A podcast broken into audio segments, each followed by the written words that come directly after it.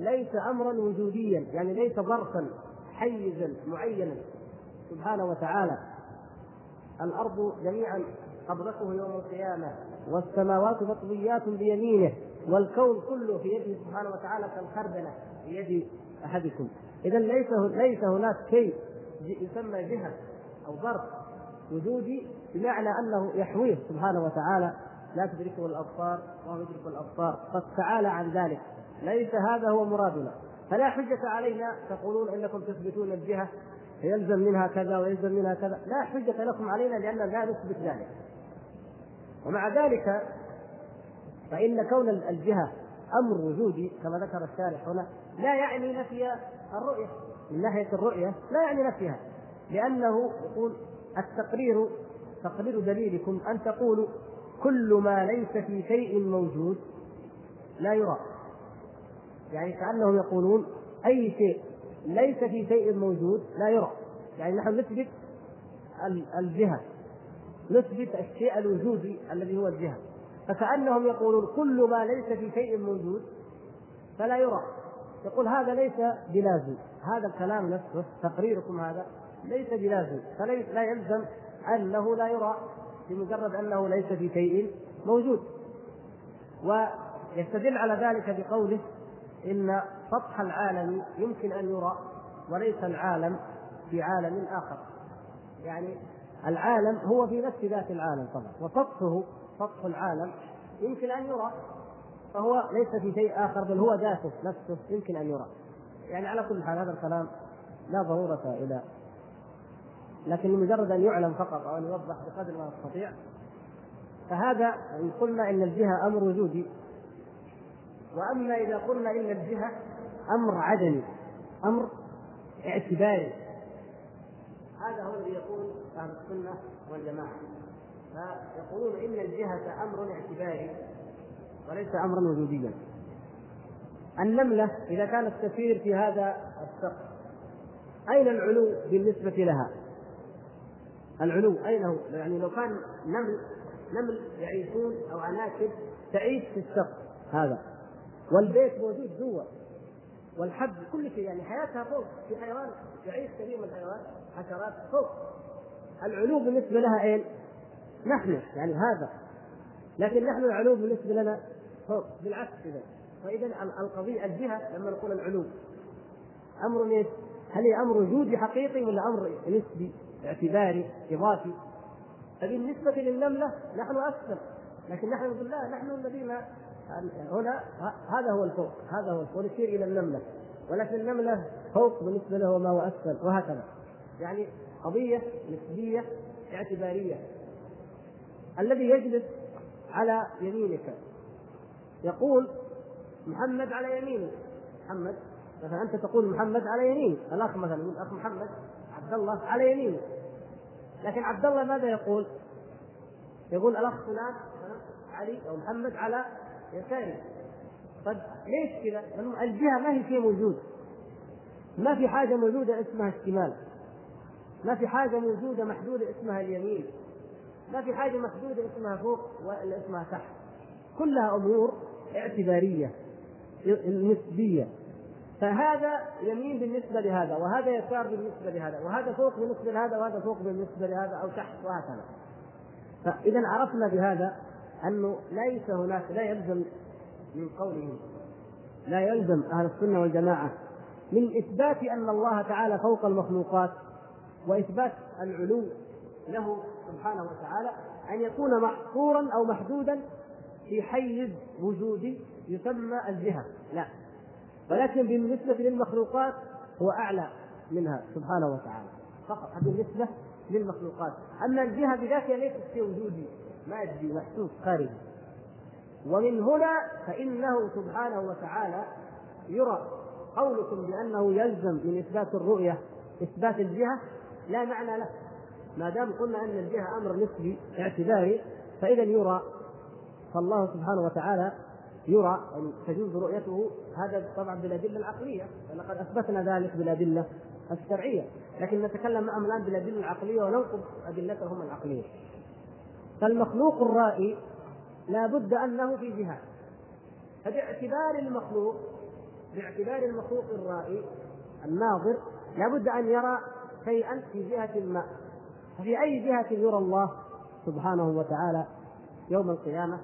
وهي الجهة التي يدعى في الدنيا فيها؟ نقول في جهة العلو يعني بالنسبة للإنسان لا بالنسبة لكونه سبحانه وتعالى تحده أو يحيط به شيء وجودي معين اسمه الجهة بمعنى أنه سبحانه وتعالى كما يقولون مثل المخلوقات التي تكون في حيز تعالى الله عن ذلك علوا كبيرا. فتجدون أيها الإخوة أننا نضطر يعني الشارح هنا أو شيخ الإسلام ابن تيمية وغيره من علماء أهل السنة يعني نضطر إلى أن نأتي بهذه الأدلة وهذه الأمثلة العقلية لنبين فساد أقوالهم بالعقل والنقل.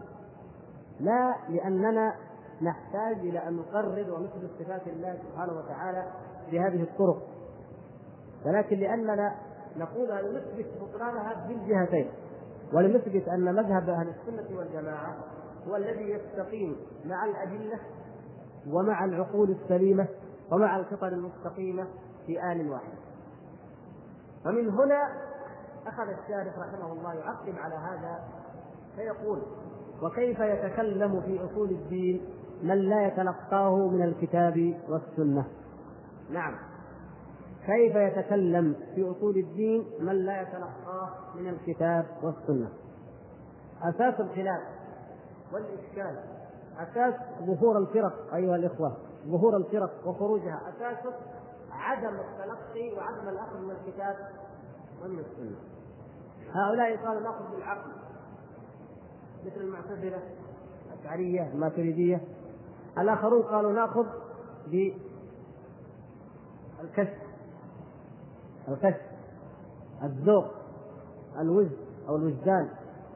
هذا أمر كشف لنا في المنام أو ألقي في قلوبنا. هكذا مثل الصوفية ومن نحى نحوهم. الباطنية والروافض قالوا لا لا من العقل. ولا من الكتاب والسنة ولا من الكشف. قالوا كيف؟ قالوا عن طريق الإمام المعصوم. وهذا الإمام المعصوم إما أنه بالنسبة للرافضة الذي في استرداد ومعه العلم الباطن العلم الذي في استرداد وهذا ناخذ العلم علم ناخذه عن طريق عن طريق من؟ النواب أو الحجاب الذين هم جعلهم نوابا وحجابا له.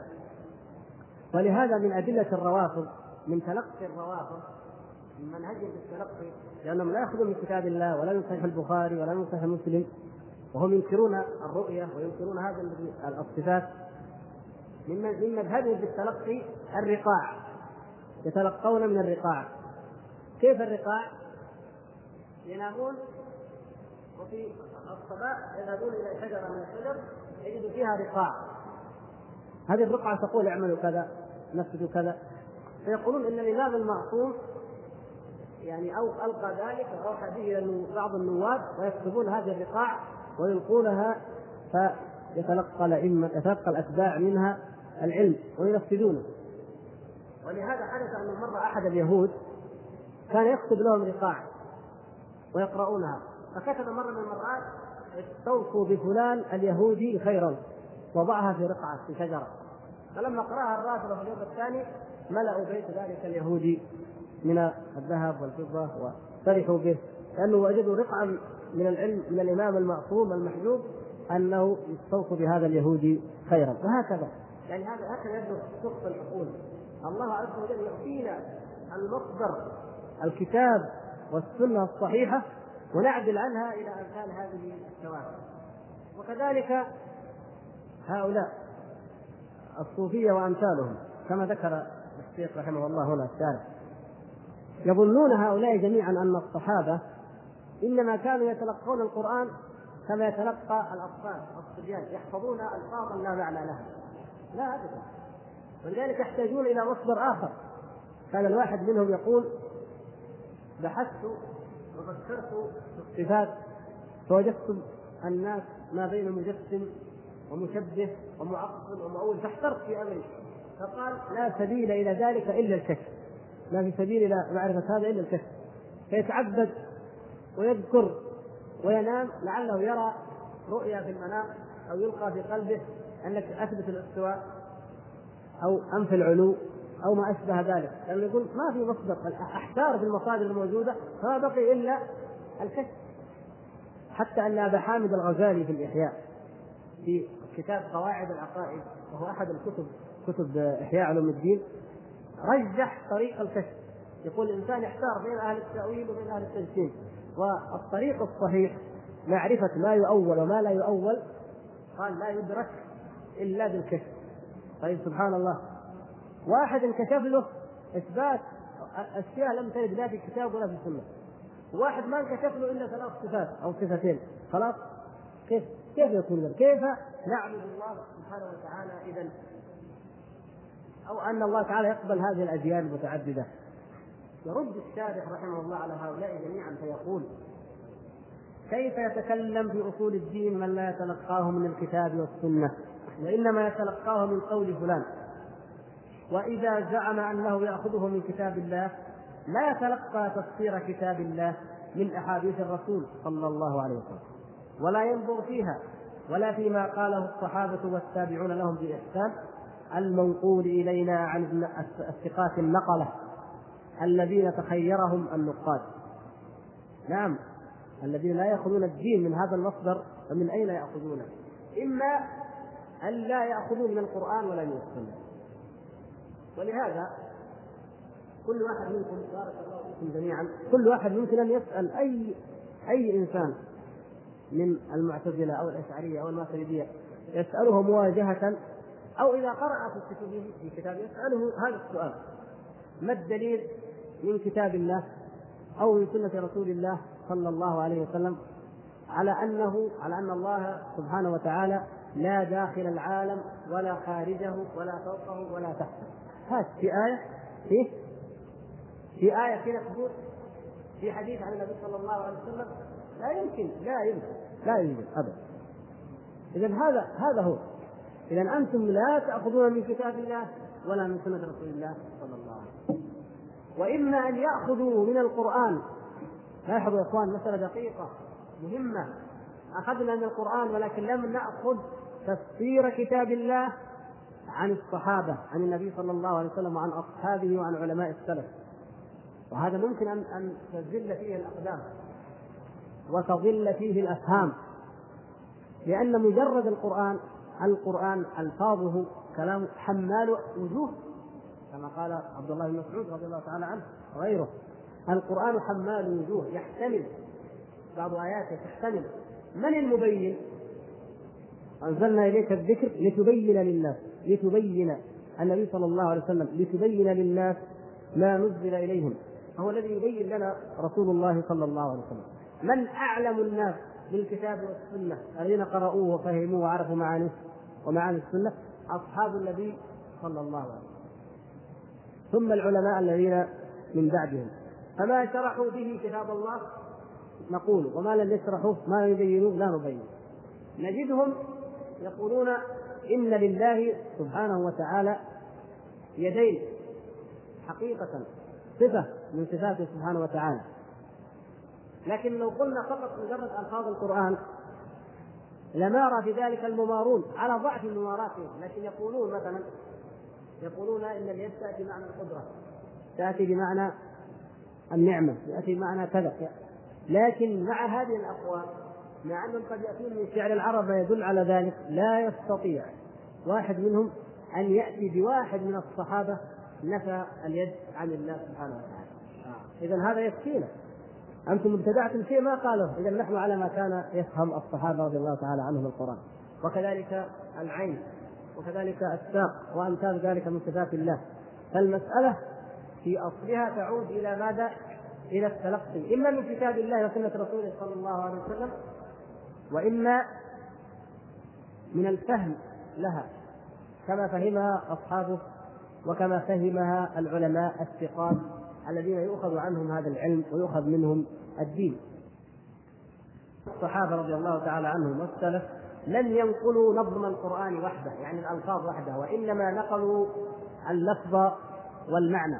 ولم يكونوا يتعلمون كتاب الله كما يتعلم الأطفال والصبيان الذين لا يستطيعون أن يستوعبوا المعاني وإنما يحفظون الألفاظ. لا هذا سوء ظن بأفضل جيل.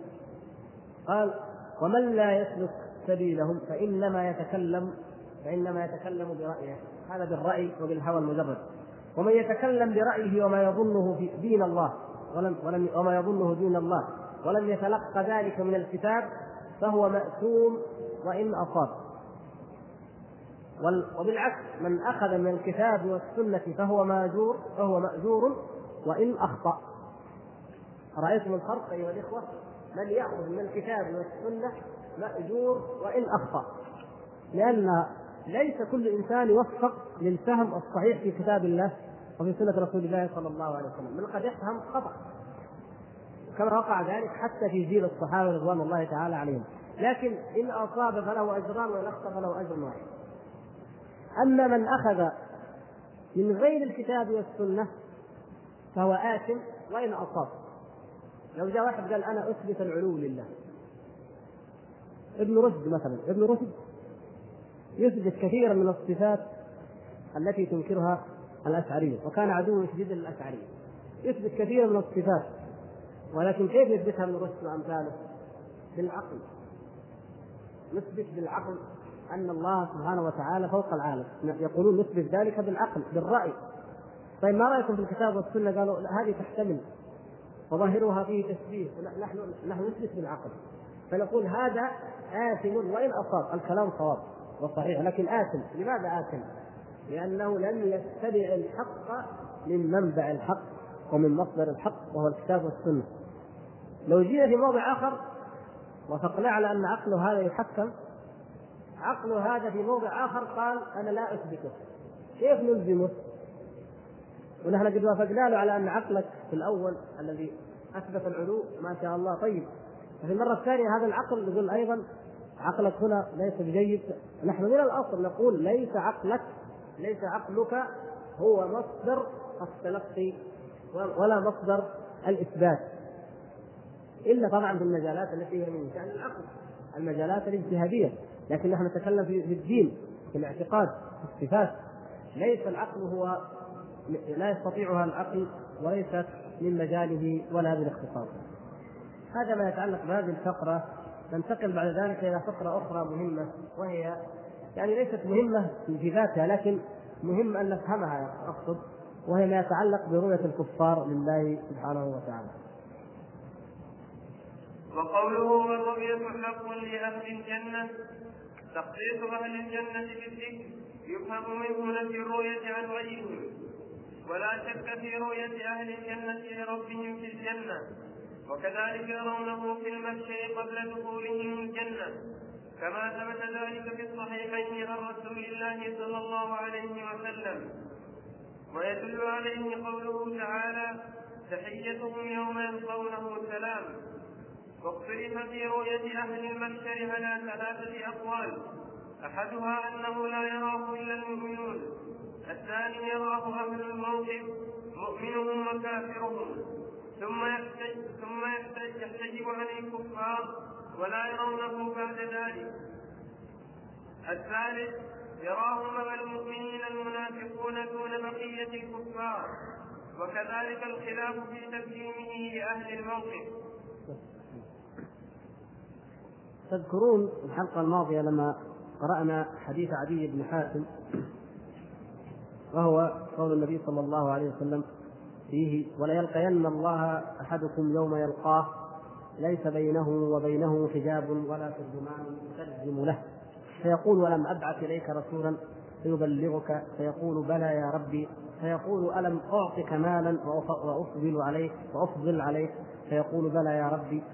يقول ألم أزوجك؟ ويقول بلى يا ربي. إلى آخر الحديث. لما قلنا هنالك إن اللقاء لا يستلزم الرؤية. يعني قلنا أنه الاستدلال بهذا الحديث على إثبات الرؤية فيه نظر لأن مجرد اللقاء لا يستلزم الرؤية. ولأن هذا الحديث كما ترون إذا قال لمن يقول الله عز وجل ألم أبعث إليك رسولا فيبلغك؟ هذا يقال في حق من؟ الكافر. فهل نستفيد من هذا الحديث على أن الكافر يرى الله عز وجل. أم لا؟ إذا المسألة موضع نظر.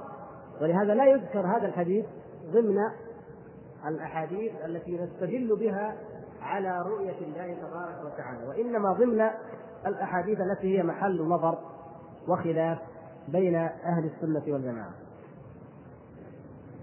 فالشيخ يقول الرؤية حق لأهل الجنة. الرؤية حق لأهل الجنة. هذا كلام الإمام الطحاوي. الإمام الطحاوي توفي في أوائل القرن الرابع. ويقول شيخ الإسلام ابن تيمية أن الخلافة هل هل يرى الكفار الله عز وجل أو لا يرونه؟ إنما نشأ بعد المئة الثالثة. يعني نستطيع أن نقول إن الإمام الطحاوي لم يدرك هذا الخلاف. وإنما تكلم بما كان عليه عامة السلف وهو أنهم يتكلمون في أن المؤمنين يرون ربهم. وكان أهل البدع ينكرون ذلك ويقولون إن الله لا يرى. فكان الخلاف محصورا إذا في إيه؟ هل يرى أو لا يرى. والذين يقولون يرى يتكلمون عن المؤمنين. أهل السنة يقول المؤمنون يرون ربهم. وأولئك قالوا لا يرى مطلقا. بعد الثلاثمائة نشأت قضية أخرى. قالوا هل يراه الكفار والمنافقون أو لا يرونه؟ وهذه قضية اجتهاد وقضية نظر. يعني ليست هذه قضية من أمور الاعتقاد والدين سواء قال الإنسان الكفار يرونه أو لا يرونه. طبعا بالقيد الذي سنذكره فإن هذا لا يؤثر في اعتقاده وليست مسألة محنة. ولا فتنة. وهنا سأقف قليلا. لأذكر لكم قصة وقعت في زمن شيخ الإسلام ابن تيمية حول هذا الموضوع لنأخذ منها العبرة نحن أيها الإخوة الكرام. نأخذ منها العبرة. أهل البحرين على أي شيء كانت تطلق البحرين بذلك الزمان؟ على أي شيء؟ الأحساء نعم يعني فرق الجزيرة العربية وليست الجزيرة المعروفة الآن. أهل البحرين في زمن شيخ الإسلام ابن تيمية. كان فيهم علماء وصلحاء. حصلت بينهم فرقة وشقاق وتهاجر وعداوة من أجل هذه القضية. هل الكفار يرون الله أو لا يرون الله؟ والذين قالوا يرونه طبعا هذا القيد متفق عليه ليس في الجنة قطعا لا الكفار لا يدخلون الجنة لكن قالوا في أثناء الحشر قبل الحساب هل يرونه أو لا يرونه وتهاجروا وتقاطعوا واختلفوا في هذه المسألة. فكتبوا إلى شيخ الإسلام ابن تيمية. ولما بلغه ذلك رضي الله تعالى عنه كتب إليهم يهون عليهم الأمر. ويقول إن من أمور الدين ما هي أمور معلومة بالقطع وبالدليل الجليل. وهذه هي الأمور التي يجب على الإنسان أن يظهرها وأن يدعو إليها ولو أوذي في سبيل ذلك وأن يجاهد في ذلك وأن يتحمل الأذى وأن يقاطع وأن يهجر من أجل ذلك. وهناك أمور ليست من هذا القبيل وإنما هي محل نظر واجتهاد فلا يمتحن فيها الإنسان ويقال هل هو كذا ولا كذا ولا يهجر من أجلها ولا يؤدب ولا يعذر وإنما يقال مخطئ. غاية ما يقال إنه مخطئ ومنها هذه القضية. أقول هذا يا إخوان لأننا نحن الشباب المسلم في حاجة دائما إلى أن نعرف ما هي الأصول التي نوالي ونعادي فيها وما هي الأمور التي تقبل الخلاف فلا نجعلها هي محل الإثارة والإشكال في مجالسنا أو مع العلماء أو في كل مكان. هل هذا هو المخطئ أو هذا هو المصيب هل نضع اليدين قبل الركبتين أو العكس. هل نضع اليدين بعد الرفع من الركوع هنا أو ما نضع؟ هذه الأمور التي لا يترتب عليها ليست مسألة امتحان ولا ابتلاء ولا هجران ولا تتبيع ولا تفسير. يجب ان نحذر أيها الاخوان وأن نضع الشيء في موضعه. فنحن أحوج ما نكون إلى أن شباب أهل السنة والجماعة يكونون يدا واحدة على أهل الشرك والبدعة والفجور بدلا من أن يكون موضوع أحاديثهم وموضوع لقائهم مع علمائهم هو أمثال هذه القضايا. أقول الذي يقرأ منكم رسالة شيخ الإسلام ابن تيمية يجد ذلك يجد الناحية التربوية والدعوية فضلا عن الناحية العلمية وهي في الجزء السادس من مجموع الفتاوى. تبتدئ من صفحة 485 الجزء السادس 485 رسالة شيخ الإسلام ابن تيمية إلى أهل البحرين. لما اختلفوا في موضوع رؤية الله.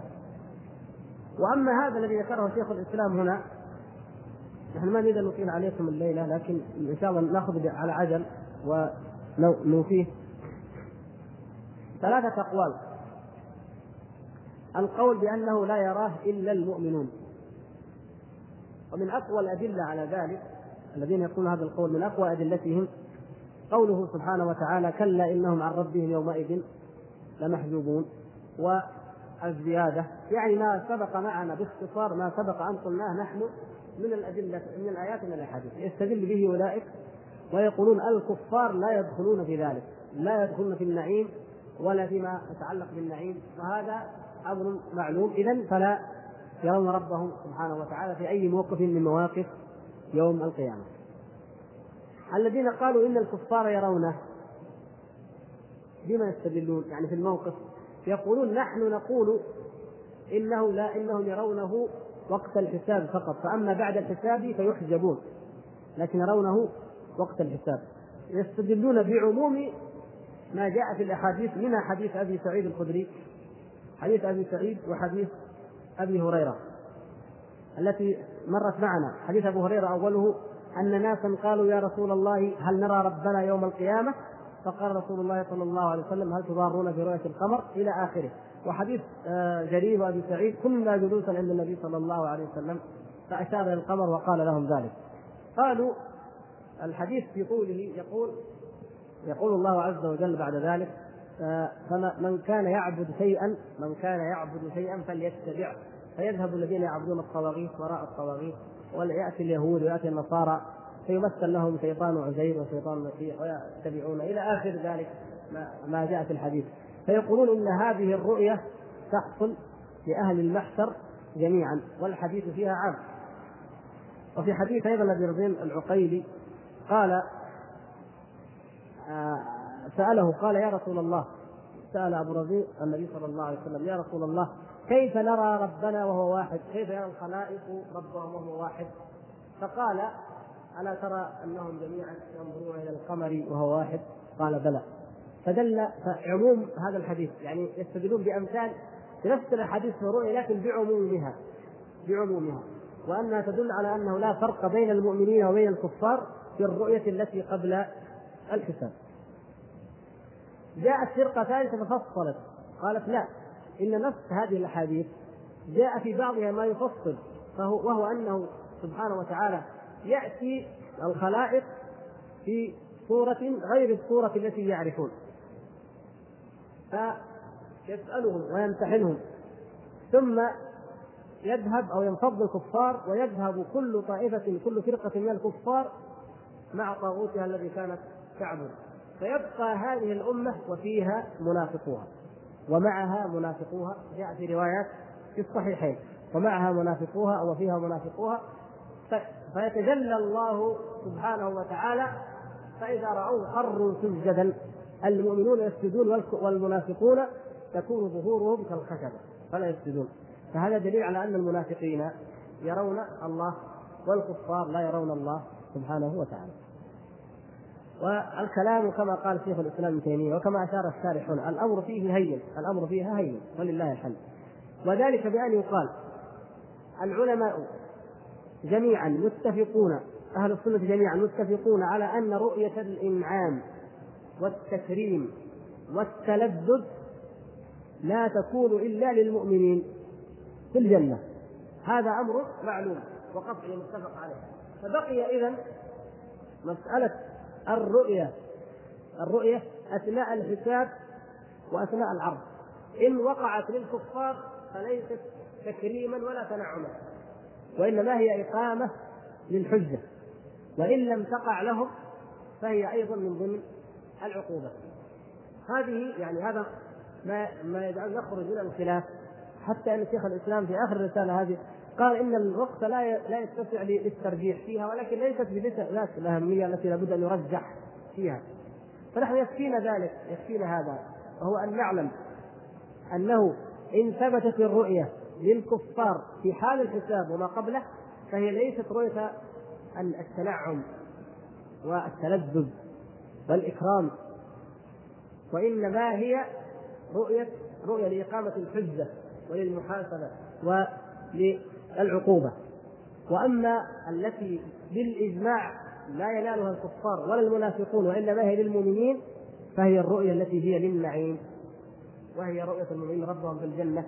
هذه هي الرؤية التي تنظر الوجوه وهذه هي الزيادة التي يعطيها الله سبحانه وتعالى أهل الجنة ويحسن بها إليهم فوق إحسانه إليهم بإدخالهم الجنة.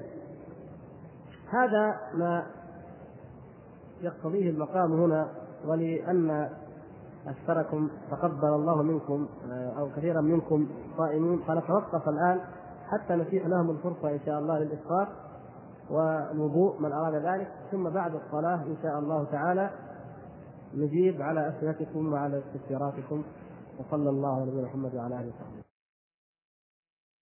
التسكين بطبعة الأرناؤوط يمكن تطلع حوالي 200 من طبعة الشيخ ناصر الدين الألباني. الفقرة الحادية والأربعين من العقيدة الصحاوية. المقصود أن هذا يأتينا إن شاء الله ونعرف هناك أن الخوض في هذه الأمور والإسترسال فيها بحيث تصبح كما كان علماء الكلام لا لا يمكن أن نعرف الله حقيقة ونعرف دين الإسلام إلا بهذه البراهين العقلية الجدلية الأمر إذا يصبح حيرة وشكا واضطرابا وترددا عافانا الله وإياكم من الشك والريب.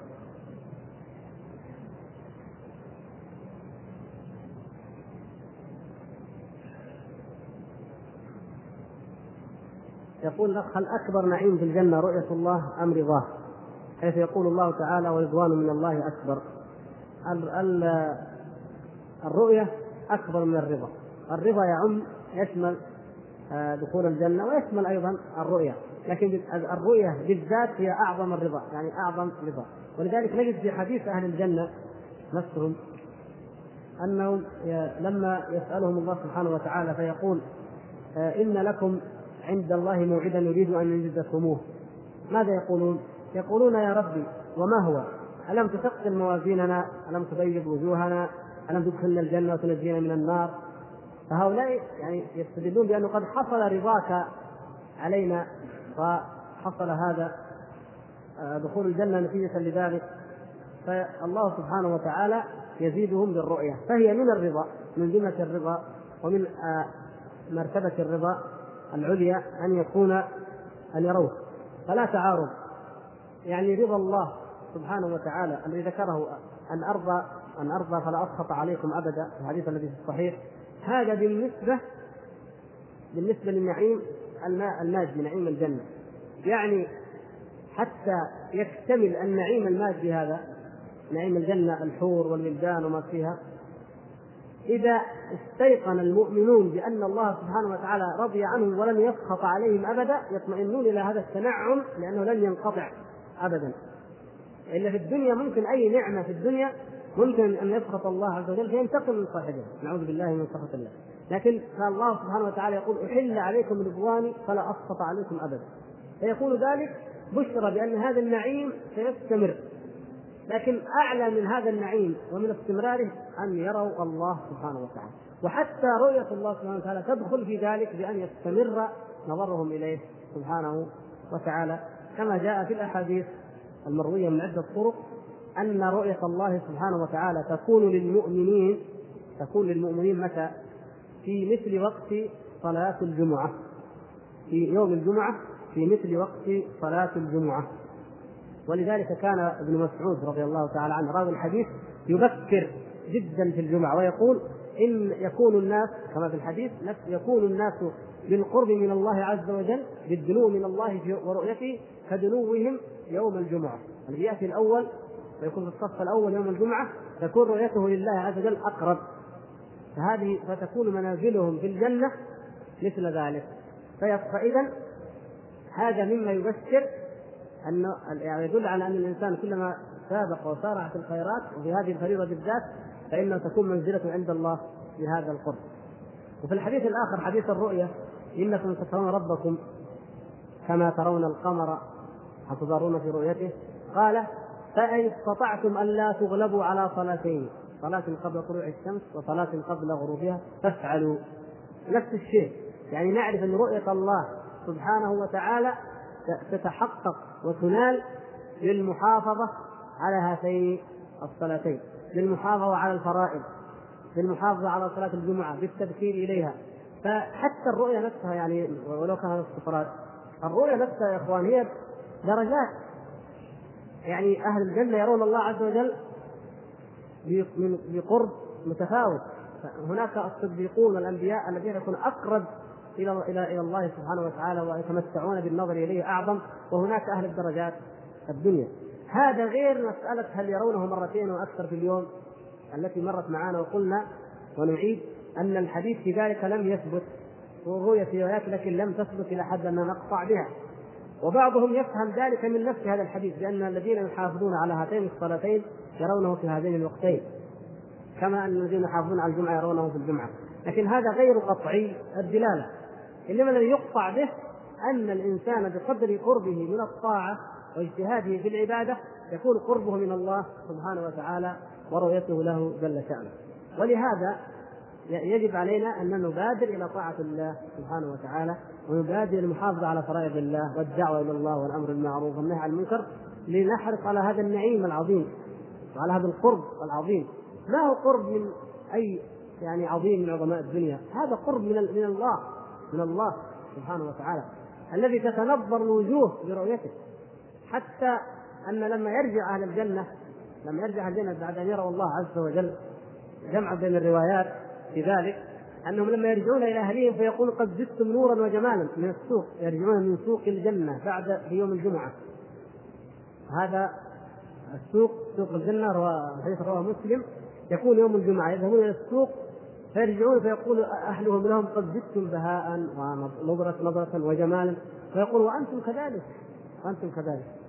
شيخ الإسلام ابن تيمية رحمه الله يقول نجمع بين هذا وبين الأحاديث في الرؤية لأنه شوف الفهم الدقيق الاستنباط الذي يؤتيه الله سبحانه وتعالى من يشاء إن الله سبحانه وتعالى قال في الدنيا صلاة الجمعة في الدنيا قال فيها فإذا قضيت الصلاة فانتشروا في الأرض وابتغوا من فضل الله.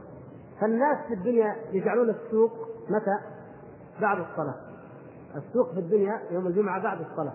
فاذا الناس يوم في الجنة بعد أن يروا الله يرون الله عز وجل بعد أن يروا ربهم سبحانه وتعالى ويتنظرون بذلك ينفضون ويرون يذهبون إلى السوق لا يشترى فيه ولا يباع وإنما نعيم وتهب الرياح لطيفة ناعمة لذيذة. فيتنعمون فيرجعون إلى أهليهم ويقولون لقد زدتم حسنا وبهاء. ويقول أهلوهم نساؤهم من حور العين وغيرهم لقد زدت أيضا انت يعني يقول هم لنسائهم ذلك بعد أن يقول نساؤهم لهم ذلك. فالمقصود يا إخوان حتى نعرف إنه مثل هذه الأمور لا تقرأ لمجرد التلقين. لا نقرأها لمجرد أننا نعرف أحكاما ما وإنما ليكون لها بإذن الله الأثر في أعمالنا وفي عباداتنا وفي تقوانا وفي إخلاصنا لله عز وجل وحرصنا عليه. على رؤيته. اكتب. طيب هذا النساء قد تفيد هذا الذي نقرأه الآن. الأخ يقول هل ترى النساء المؤمنات في الجنة ربهم؟ عموم الآيات والأحاديث الواردة في الرؤية لم تخصص الرجال دون النساء. ومع أن بعض العلماء يقول بذلك بعض الناس يقول إن ما ورد شيء يثبت أن النساء يرون. لكن الحجة عليه لأنه ما ورد شيء يثبت أن النساء لا يرين. فعموم الأحاديث. ومن ذلك هذا الحديث نفسه الذي رواه مسلم الذي الآن ذكرناه. وهو إيش؟ أنه آه النساء يقولن للرجال لقد ازددتم نظرة وجمالا. فيقول الرجال وأنتم أيضا ازددتن. فيقول شيخ الإسلام ابن تيمية إنه هذا مما يستدل به على أن الرؤية حصلت للجميع. مع أن الرواية هذه لاحظوا الرواية هذه ما فيها رؤية ما فيها إلا السوق. لكن نجمع هذه برواية مع الروايات التي فيها أن الرؤيا تكون وقت صلاة الجمعة. فتجتمع عندنا لأن الله سبحانه وتعالى كما كان المؤمنون والمؤمنات في الدنيا المؤمنون يصلون في المساجد والمؤمنات يصلين الجمعة في البيوت وتكون درجتهم في الرؤية من له سبحانه وتعالى وفي القرب منه مثل درجاتهم من الجمعة. فنفس الشيء يوم القيامة. المؤمنون الذين في الصف الأول في الدنيا المتقدمون في الجمعة يرون الله عز وجل عن قرب. وكذلك المؤمنات يرين الله سبحانه وتعالى وهن في الخدور وفي الخيام مثل ما كنا يصلين الجمعة في الدنيا في البيوت. ولهذا ترى النظرة النظرة والجمال تظهر على وجوه الرجال وكذلك على وجوه النساء. ولكن يعني لا يعني ذلك أن أن النساء ما صح طيب. أي مين صاحب الكابرس الابيض طيب. بس ما نقدر يا أخي نجعل الدرس للإعلانات. أنقذوه. فالمقصود يا إخوان أن المؤمنات يرين الله عز وجل. وما الذي يمنع من ذلك؟ ولا سيما كما في حديث الحشر الذي في الصحيحين من رواية أبي سعيد وأبي هريرة عندما يراهم يرى يتجلى الله سبحانه وتعالى لهم في صورته التي يعرفون فيخرون ساجدين. من يقول إن النساء لا يسجدون؟ المنافقون لا يسجدون نعم ولا يرون قد لا يرون. هذا الموضوع اللي سبق قلناه يرون ما يرون شيء آخر. لكن لا يسجدون المنافقون. أما المؤمنات افلسن من المؤمنين؟ أولا يسجدون كما يسجد المؤمنون؟ فيرون الله عز وجل مع يعني آه، يرون صورة الله سبحانه وتعالى في الوقت الواحد في نفس الوقت الذي أيضا هم يعني يخاطبون معا في نفس الوقت يردون على الصراط معا في نفس الوقت يدخلون الجنة معا. فليس في هذه الأحكام ما يفرق به بين المؤمنين والمؤمنات. هذا إن شاء الله ظاهر ورادف لكم.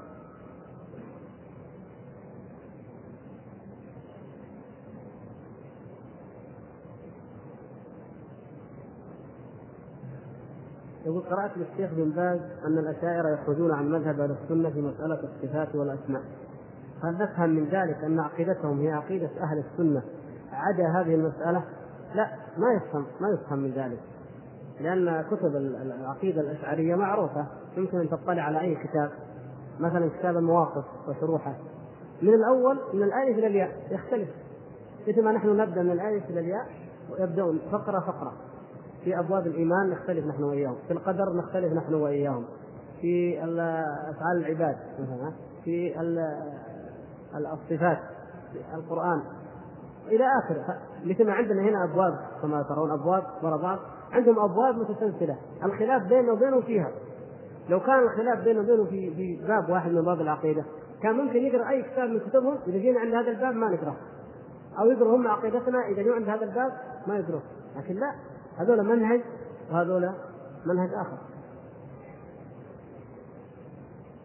هل تعتبر الزيدية أقرب إلى السنة منها إلى الشيعة الاثنى عشرية؟ وهل يأخذون ورد عن النبي صلى الله عليه وسلم في كتب الصحاح البخاري ومسلم؟ الزيدية في العقيدة معتزلة. قد سبق أن وضحنا ذلك. الزيدية في العقيدة معتزلة. مثلهم في ذلك مثل الرافضة الاثنى عشرية. سواء بسواء. لكن في الفقه مذهب الزيدية في الفقه أقرب إلى مذهب الحنفية. ومن الزيدية من هو أقرب إلى أهل السنة قريب من أهل السنة. لماذا؟ لأن مذهب الزيدية يوجب الاجتهاد ويحرم التقليد. ولهذا تلاحظون أن البلاد الزيدية البلاد زيدية تجد أن العلماء تقريبا ما انقطعوا فيها لأن الاجتهاد واجب. وهذه من فوائد يعني فيها فائدة انه التقليد حكر على العقول حجر عليها لكن يعني يجب أن يكون الاجتهاد في ماذا؟ في الأدلة الصحيحة وحسب الأصول الشرعية الصحيحة. فالشاهد انه في الفقه هم أقرب. ولهذا يستدلون بما في البخاري ومسلم نعم يستدلون به. وإنما عندهم شيء آخر أنه ما قاله أهل البيت ورواه الهادويه لذلك هم يسمون الهادويه الهادويه بالنسبة للإمام حقهم الإمام الهادي بالله. الإمام الهادي. يأخذون كلامه وكلام ورواياته عن آل البيت ويقدمونها على غيرها من الروايات أو هي لا تقل عندهم يعني سواء رواه البخاري ومسلم أو رواه الهادي عن آل البيت هذا عندهم في درجة واحدة تقريبا. ما يحتاج أكثر من كذا لأنه شرحناه. الأخ برضه سأل هل القول الصحيح في رؤية الجن لربهم. نفس الجواب أنه الجن ما دام أنهم يجازون ويحاسبون وينعمون فالحكم يشمل هذا وهذا. والله أعلم.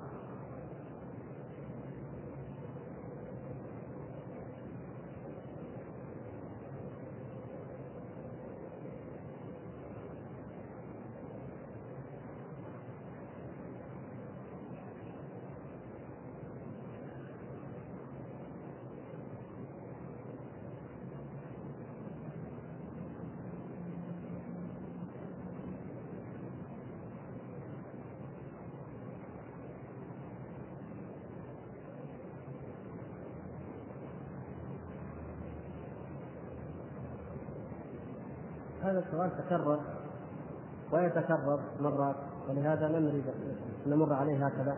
أن بعضكم بارك الله فيكم يسأل يعني عن حكم أهل الفرق هذه أهل الفرق.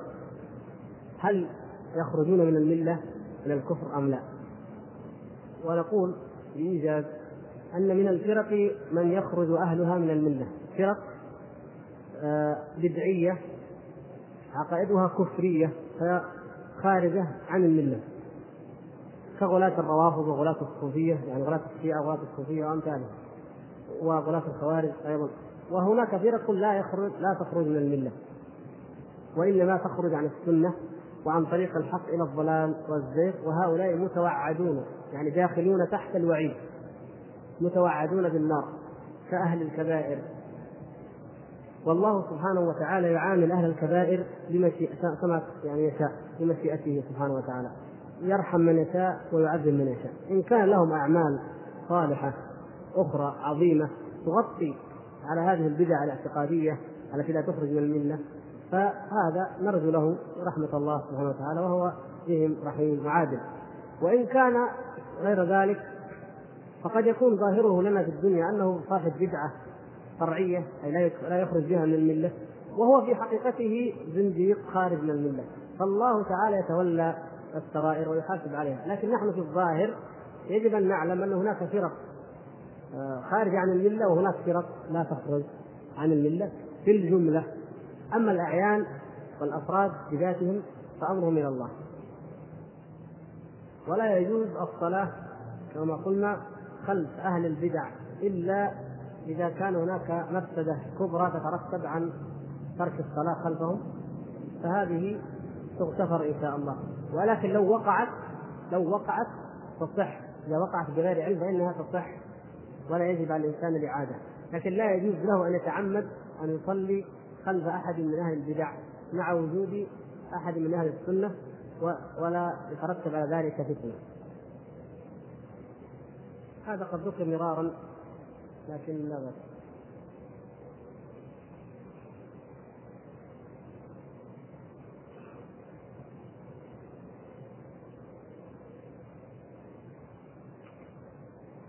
هل المجاز في اللغة العربية وإن وجد فما المقيدات؟ المجاز سبقا تكلمنا عنه.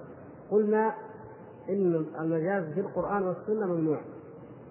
ونقضه الإمام ابن القيم رحمه الله في كتاب الصواعق المرسلة. وأما في اللغة العربية الراجح والصحيح أنه ليس فيها مجاز كما يفهم أولئك البلاغيون وإنما هو أسلوب من أساليب العرب في التعبير. لكن لا يهمنا موضوع اللغة بقدر ما يهمنا الكتاب والسنة وخاصة ما يتعلق بصفات الله سبحانه وتعالى. فموضوع اللغة يترك لأهل اللغة. الشيخ محمد الأمين الشنقيطي رحمه الله له رسالة في ذلك رسالة في منع المجاز في المتعبد يعني في القرآن المتعبد بالإعجاز. المنزل للتعبد والإعجاز. يعني هذه في القرآن. لكنه ذكر أيضا حتى في اللغة. الذي يهمنا هو أنه ليس في كتاب الله وخاصة ما يتعلق بالصفات مجاز فكل فكلها حقيقة. يقول الأخ آه، الرافضة الذين يتلقون من الإمام الذي في الاسترداد هل هذا الذي في الاسترداد صحيح؟ ام خرافة وكذب؟ ومن هو محمد بن الحسن العسكري وما موقفنا منه من بقية الأئمة الاثني عشريه؟ طبعا ما هو صحيح واحد يدخل الاسترداد سنة 260 أو 261 وإلى اليوم ما هو اليوم إلى أن تقوم الساعة على كلامهم ويأكل ويشرب وينام ويبكون وإذا حجوا أو زاروا أو ذهبوا أعظم دعاء يدعون به أنه يعجل الله فرجا ويسهل مخرجا ويستغيثون به وينادون ويخاطبون كل هذا لا وجود له. ممكن نختصر لكم لماذا لماذا نبعت هذه العقيدة. ونجيب معها قضية موقفنا من الأئمة الاثنى عشر. الأئمة الاثنى عشر أولهم عندهم من؟ علي بن أبي طالب رضي الله تعالى عنه أمير المؤمنين. موقفنا منه واضح في نقاش واضح. غير غير علي جاء وجاء بعدها الحسن رضي الله تعالى عنه الذي جمع الله به الجماعة موقفنا منه واضح ما في إشكال الحمد لله. وكذلك الحسين كل أئمة هذا البيت نحن يا إخوان حتى بهذا العصر حتى الأحياء الموجودين الآن من كان فعلا من آل بيت النبي صلى الله عليه وسلم إذا استوى لديك اثنان هذا تقي من آل البيت. وهذا تقي من غير آل البيت. استوى الاثنان في التقوى فأحبب الذي من آل البيت أكثر. لأنه فيه مع التقوى أنه من آل بيت الرسول صلى الله عليه وسلم. كيف ما نحب آل بيت الرسول صلى الله عليه وسلم؟ من الذي لا يحب رسول الله صلى الله عليه وسلم؟ هل نحتاج بالمناسبة إذا يجينا واحد صاحب ضلالة صاحب بدعة يعلمنا كيف نحب النبي صلى الله عليه وسلم وكيف نربي أولادنا على محبة الرسول صلى الله عليه وسلم؟ سبحان الله العظيم. من هذا الذي يعلمنا هذا الكلام؟ أهل السنة والجماعة. نحن كل فريضة كل نافلة. لا يصلى فيها على النبي صلى الله عليه وسلم هي عندنا باطلة. نحن يجب يجب على كل إنسان إذا ذكر النبي صلى الله عليه وسلم أن يقول صلى الله عليه وسلم. واجب يجب عليه. من أعظم ما نتقرب به إلى الله الصلاة والسلام على رسول الله صلى الله عليه وسلم. أهل السنة الذين في كل أمر في كل عبادة يعملوها ما يعملوها حتى يتأكدوا ماذا قال فيها الرسول صلى الله عليه وسلم. هؤلاء في حاجة إلى واحد صاحب هوى أو زيغ أو ضلالة أو الله أعلم بسلوكه ايا كان يذكرهم يعلمهم كيف يحبوا الرسول صلى الله عليه وسلم وكيف يربوا اولادهم على محبة الرسول. سبحان الله. هذا من من أغرب الغريب.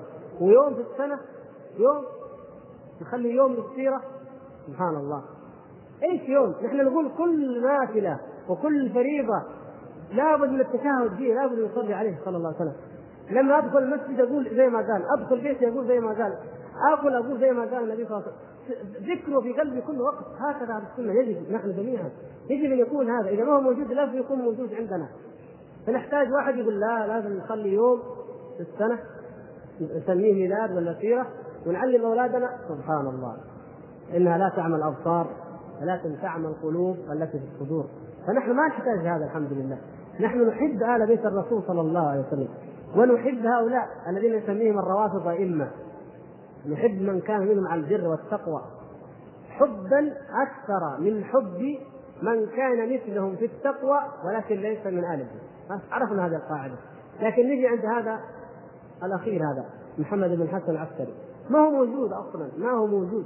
نحب شيء ما هو موجود. نحن ما إحنا مصدقين بوجوده. كيف جاءت قصته؟ القصة إنه الميراث الخلافة الإمامة عندهم بالتسلسل فلان بعدين فلان بعدين فلان. يعني بالذات من بعد الحسين علي زين العابدين. وهذه يا إخوان لها قصة لازم نعرفها. علي زين العابدين أبوه الحسين بن علي وأمه شهريار بنت كسرى. أمه بنت كسرى وأبوه ابن بنت رسول الله صلى الله عليه وسلم.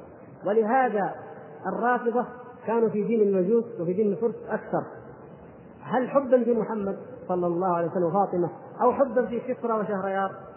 ها هنا هنا السؤال ياتي فتسلسلت الأئمة من ذرية علي زين العابدين إلى جاء إلى الحسن؟ الإمام الحادي عشر. ما انجب ما انجب شيء رجل عقيم ما انجب فجاءت المشكلة لما الناس طيب كيف تتسلسل؟ لاحظتم كيف؟ الحين المصيبة إنه قد قرروا مبدأ إنه لابد الولد والولد والولد تمشي. طيب هذا ما له ولد من فين نجيب الحل؟ وقع وقع المأزق. فكروا فكروا قالوا ما في.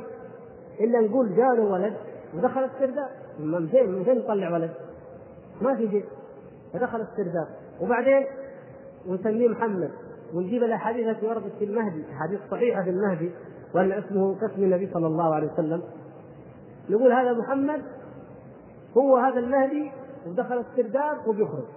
طبعا يهود الذين أوجدوا هذا الدين يهود ومجوس فجرة. ما يهمهم أن الناس ضلوا أو ضاعوا أو كفروا أو ألحدوا. ما هم ما يهمهم.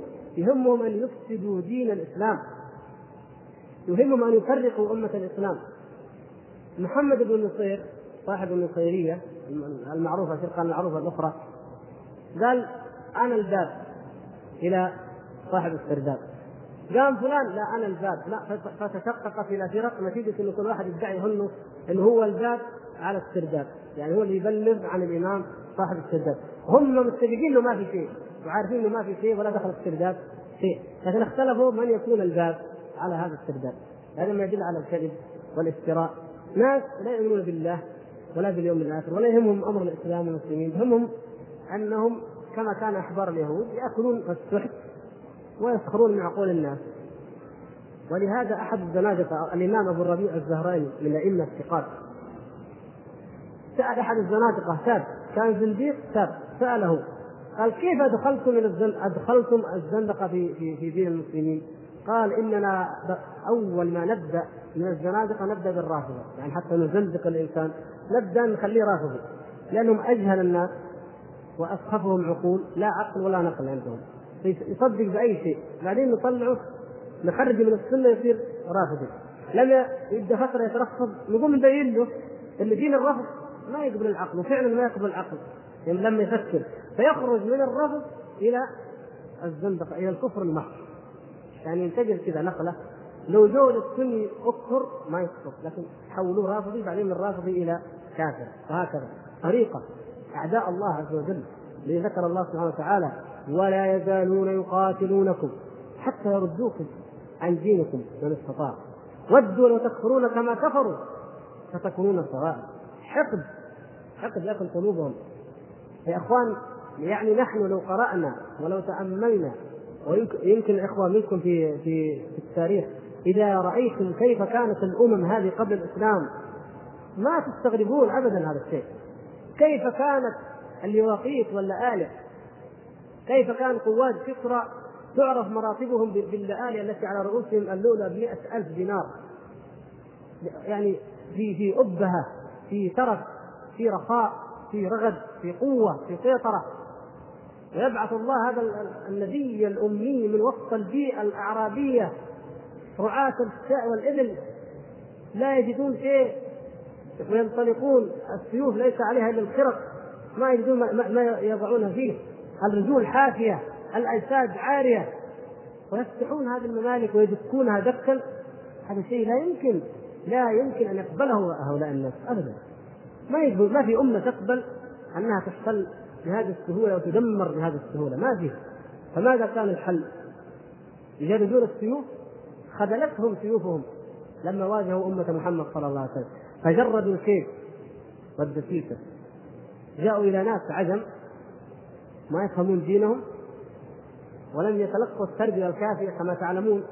إذا دكت مملكة كسرى ودخل الفرس في دين الله عز وجل وكذلك الروم دخلوا في دين الإسلام من ممكن يربي كل واحد منهم. هذا ممكن؟ صعب جدا. يعني نحن الآن لو نظرنا لواقعنا هذا لو جاء واحد قال في شركة من الشركات فيها ألف عامل أسلموا. ما عندنا مقدر نربيهم لأنه ما إحنا فاضيين مثلا أو ما عندنا استطاعة أو ما نعرف اللغة. يعني يمكن نربي واحد اثنين يمكن يحاول يربيهم.